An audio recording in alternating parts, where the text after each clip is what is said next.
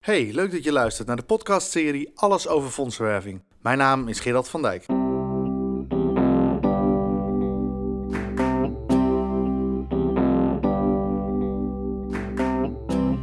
Je luistert naar een podcast van Krantio Fondsenwerving. Leuk dat je luistert naar weer een nieuwe aflevering van de podcastserie Alles over fondsenwerving. In deze aflevering wil ik het met je gaan hebben over the next generation of giving, oftewel de volgende generatie donateurs. En ik doe dat naar aanleiding van een presentatie die ik heb gevolgd op de AFP Icon. Dit is een grote wereldwijde conferentie in Amerika. We waren daar met zo'n 3500 fondsenwervers uit 24 verschillende landen van over de hele wereld eh, bij elkaar om kennis en ervaring met elkaar uit te wisselen. En een van de sprekers op dit congres was Ashley Thompson. Zij is directeur van de Blackboard Institute. En ehm, zij onderzoeken geefgedrag onder verschillende lagen in de bevolking. En ze hebben dat in verschillende landen gedaan. Dit onderzoek heeft al drie keer plaatsgevonden. Eén keer in 2010, één keer in 2013 en dan de laatste keer in 2018. En is gedaan in uh, landen als Engeland, de Verenigde Staten, Canada, Australië en Nieuw-Zeeland. En met name het uh, uh, Engelse onderzoek die uh, spreekt mij aan, omdat Engeland natuurlijk vrij dicht bij ons ligt, niet alleen geografisch, maar ook als het gaat om geefgedrag en cultuur. In Engeland hebben 985 mensen aan het onderzoek meegedaan. En dat zijn mensen die in de afgelopen 12 maanden aan een goed doel hebben gegeven. En representatief zijn voor de bevolking. Het zijn allemaal mensen ouder dan 18 jaar. Voordat we inzoomen op het geefgedrag van de jongere generatie, is het goed om eerst te kijken naar de definities tussen verschillende generaties. We beginnen bij de matures. Dat zijn de mensen die geboren zijn voor 1946. Die zijn nu 74 jaar of ouder. En dit wordt ook wel de silent generation genoemd, omdat zij opgevoed zijn met het feit dat kinderen moesten hun mond houden. Daarna krijg je de generatie babyboomers, dat is een term die wij ook uh, gebruiken. Mensen die geboren zijn tussen 1946, net na de Tweede Wereldoorlog, en 1964. Dat zijn dus mensen die nu in de leeftijd tussen 55 en 73 jaar zitten. En deze mensen hebben over het algemeen veel vertrouwen in de overheid en in instanties. Generatie X, dat zijn mensen die geboren zijn tussen 1965 en 1980. Die zijn dus nu tussen de 39 en 54 jaar oud. Die mensen gaan vooral voor onafhankelijkheid en laten zich niet meer zomaar door instanties of overheden overtuigen. Ze hebben de neiging om dingen in twijfel te trekken en zelf te onderzoeken. Daarna krijg je de millennials. Dat zijn mensen die tussen 1981 en 1995 zijn geboren. In de leeftijdscategorie dus nu tussen 24 en 38 jaar. En dat zijn mensen die op dit moment heel erg het gesprek aan het veranderen zijn in de samenleving. Kijk bijvoorbeeld naar de MeToo-beweging. Dat zijn vooral mensen uit deze leeftijdsgeneratie die uh, het taboe doorbreken en naar voren treden.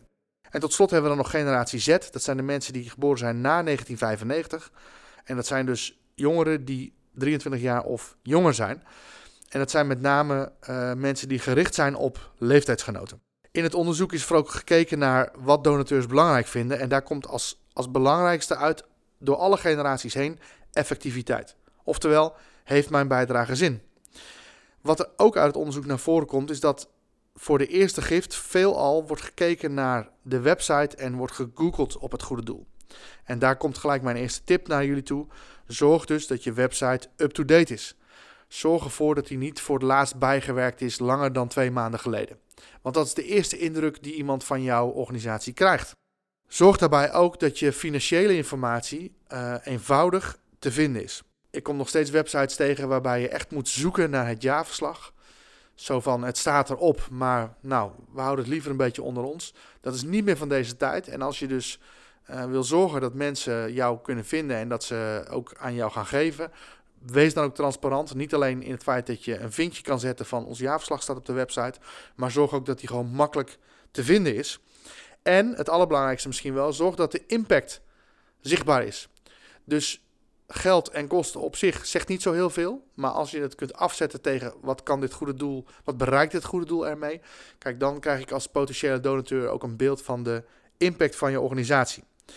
En hou er rekening mee dat er veel wordt gegoogeld. Dus ook je, niet, niet alleen je eigen website, maar ook je uh, totale communicatiestrategie en je PR via social media, maar misschien ook wel via uh, free publicity.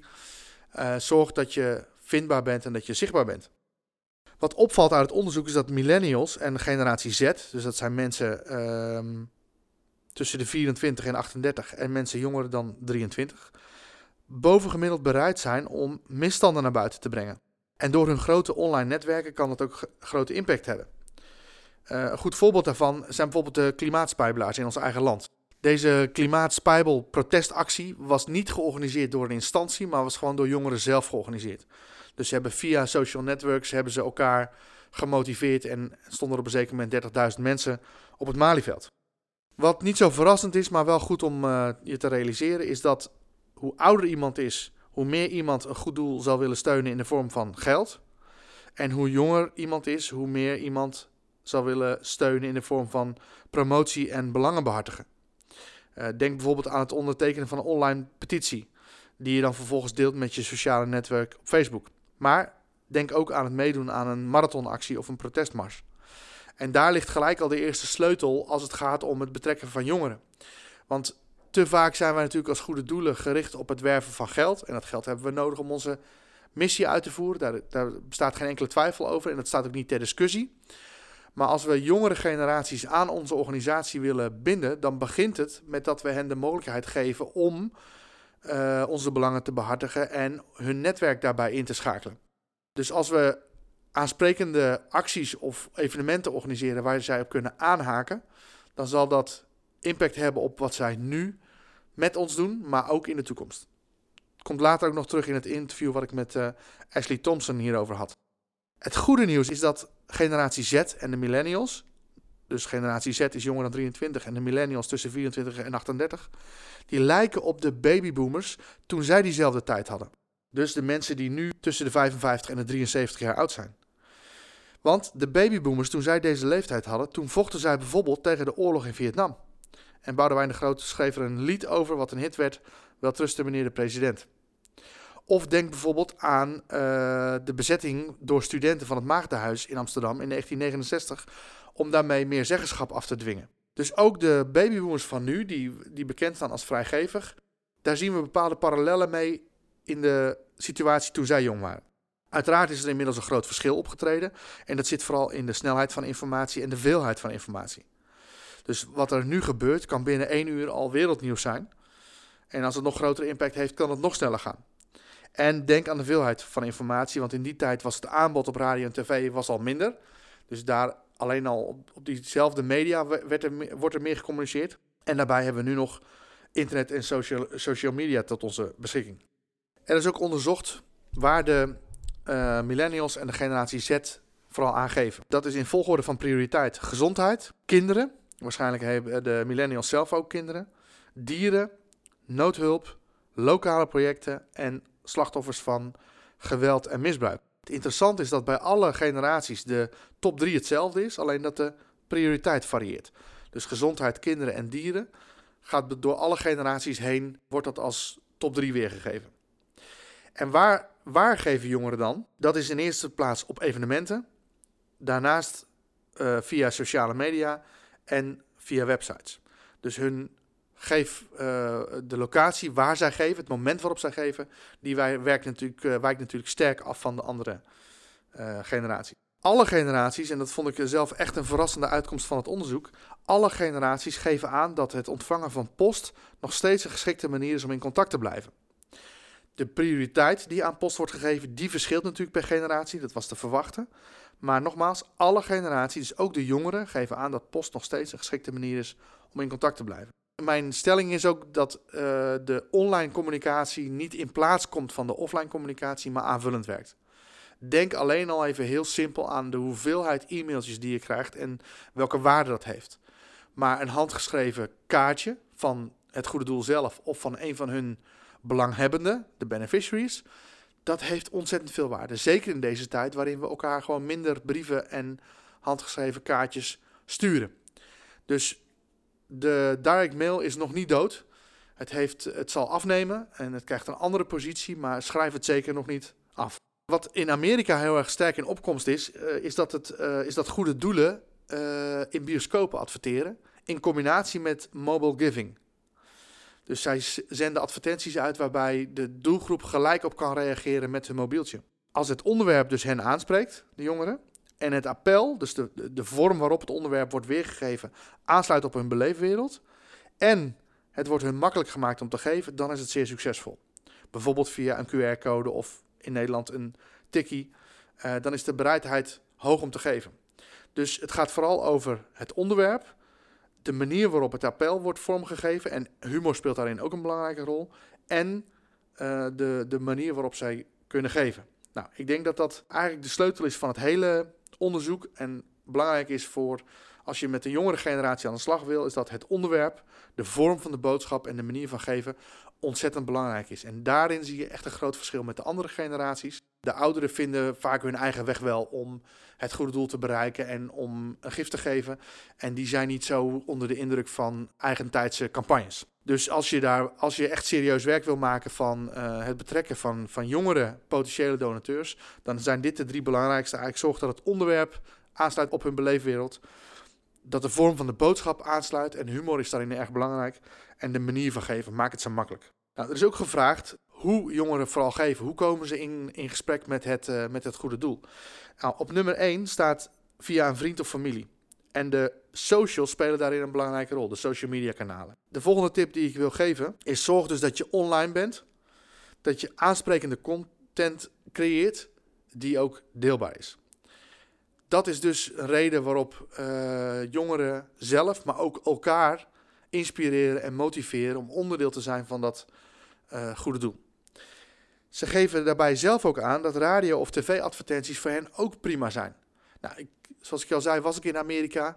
Je kunt daar de televisie niet aanzetten of in bijna in elk reclameblok zit wel een goed doel. En wij zouden dat misschien overdreven vinden, maar ik denk dat wij in Nederland echt nog veel meer gebruik kunnen maken van reclames via radio en tv. Om uh, hiermee met name jongeren ook te bereiken. En nog steeds is post voor hen dus een belangrijk, ook een belangrijk middel waarop zij uh, gevraagd zouden willen worden. Als we het hebben over social media, dan is jongeren ook gevraagd welk platform zij het meest gebruiken. En Facebook is daarbij de absolute nummer 1 onder generatie Z en millennials. En dat is misschien ook wel verrassend, omdat er al wordt gesproken over het einde van Facebook en de ondergang van Facebook. En jongeren verlaten Facebook. Het zal uh, zeker zo zijn, maar nog steeds is het het meest gebruikte platform binnen social media. Gevolgd door, verrassend genoeg, Twitter. En daarna Instagram. Nou, Twitter verraste mij ook een beetje, omdat ik het idee had dat het uh, eigenlijk wel over was met Twitter. Maar dat, dat schijnt dus nog reuze mee te vallen. Wordt ook door de jongere generatie nog veel gebruikt. Maar ook uh, platforms zoals Pinterest, Snapchat en LinkedIn worden veel gebruikt door jongeren. Dus zorg ervoor dat je per kanaal een strategie hebt. En dat je de content deelt per kanaal die aansluit bij de doelgroep. En wil je meer weten over het gebruik van social media? Ook hier heb ik een podcast over opgenomen. Maar het is dus belangrijk dat je content per kanaal afgestemd is op de gebruikers. Dus Facebook kent echt een andere dynamiek dan Twitter. En wat je op LinkedIn deelt is waarschijnlijk niet geschikt voor Instagram. En ik zou je eigenlijk willen adviseren om een communicatiestrategie te maken waarin je per kanaal ook doelgroep en content en tone of voice beschrijft, zodat je ook daarin kunt inspelen op de doelgroep op de juiste manier aan te spreken. Het is zonde als je heel veel tijd gaat stoppen in, in het ontwikkelen van content en die, die uh, mist een doel, die schiet zijn doel voorbij. Nu wil ik graag even schakelen naar het interview wat ik met uh, Ashley Thompson had. Zij is dus directeur van uh, Blackboard Institute.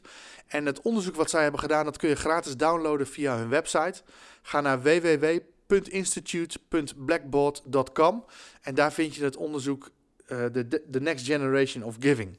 Maar eerst gaan we eens even luisteren naar wat Ashley hier zelf over te vertellen heeft. En het interview is live opgenomen op uh, AFP Icon, dus je hoort op de achtergrond wat andere mensen. Er waren er nog een paar, dus uh, dan weet je even waar het geluid vandaan komt. I want to thank you first for making time for our Dutch listeners to the podcast and uh, that you are willing to share some insights about the next generation of giving. But let me start by this first question. What does a person make want to give? Why does somebody gives? Well, thank you for having me. First of all, um, it is a delight to, to, be talking to you today. You know, part of the reason why we did the study that we did, called the Next Generation of Giving, um, was to try to answer that question better. How are donors preferring to be engaged versus where do they prefer to make a transaction? And sometimes those two, those things are different, not only um, for a particular generation, but across generations from one to the other. And so in order to be an astute fundraiser, it's really important to understand the motivations and the preferences of your donors. So we launched this study. We also um, published it in the US, we published it in the UK, Canada, and Australia, New Zealand as well this year um, to try to understand what is happening and how do donors differ from geographic regions as well. And, and do they? They do. Um, you know, the, the Canadians and Americans, um, by and large, respond quite similarly and are giving, their giving patterns are much more alike, as you might imagine.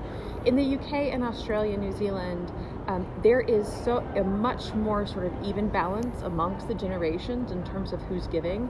In Canada and America, it's much more of an older generation that is giving, um, that is giving in very for us traditional mechanisms, meaning one-time gifts through a direct mail piece.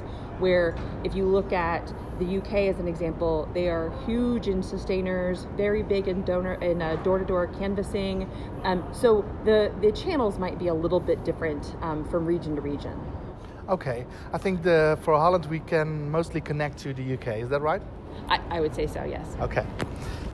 A lot of charities might think that younger people are not willing to give because they are busy with their careers, with uh, living on their own, with relationships. What does the survey say about that? You know, it's interesting because when we've done this study, we've done this study two times in the past, in 2010 and as well as in 2013. We struggle to find a real difference between the, the older generations that were giving the majority of the money. What we've been able to see after doing them for these three times is that in reality, the ability to have your greatest givers is actually more about life stage mm-hmm. than it is really about um, one generation being more generous than the other.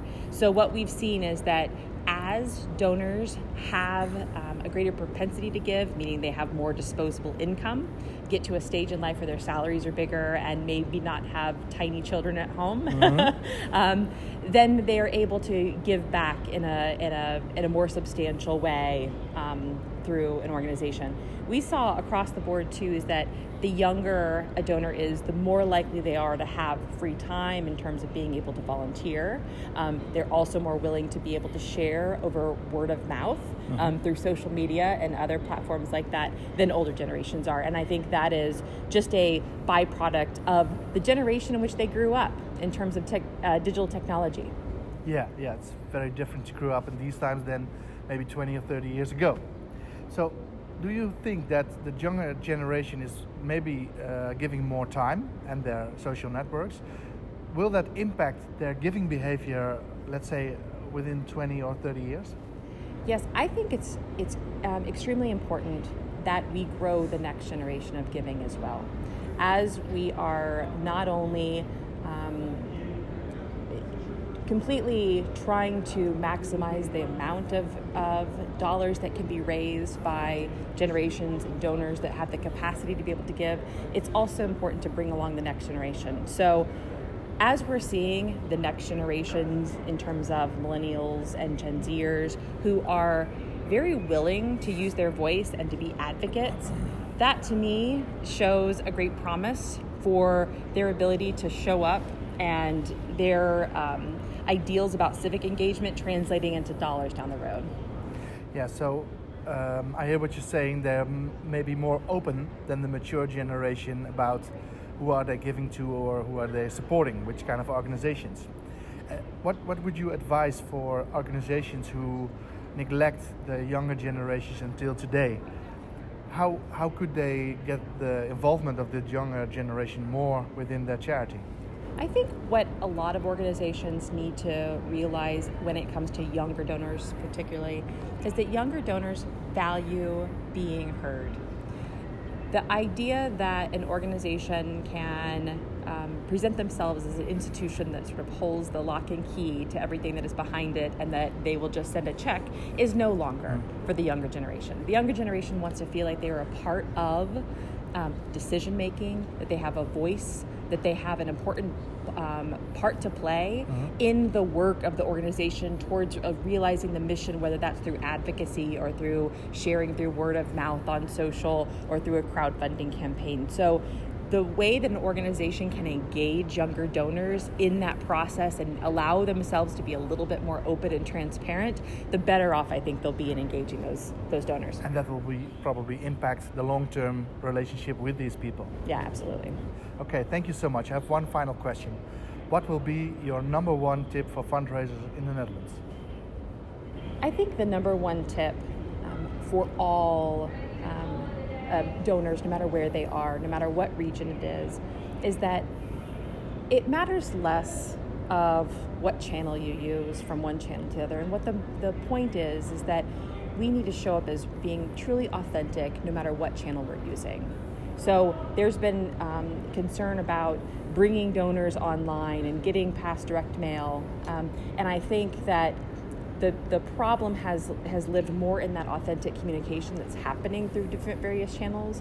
So the ability to be real and raw and transparent is becoming more and more of a valuable asset for an organization, and the ability to build true, um, honest relationships with their donors, no matter what channel, no matter what platform, that's always going to be true, whether it's today or 10 years from now, or a millennial or a mature. Ashley, I want to thank you so much for these insights and hope to meet you again. Thank you so much. En dat was Ashley Thompson van de Blackboard Institute over The Next Generation of Giving. Ik hoop dat jij hebt genoten van deze aflevering van de podcastserie. Als dat zo is, laat dan even een waardering achter in de app die je gebruikt. Wil je meer afleveringen luisteren? Dat kan. Ze staan voor je klaar in Spotify, iTunes of SoundCloud.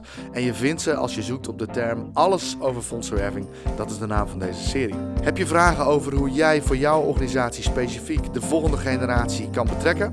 Laat me dat gerust even weten. Stuur me een mail via podcast.grantiu.nl Voor nu bedankt voor het luisteren en heel graag tot Heb je vragen? Stuur je mail naar podcast.grantioe.nl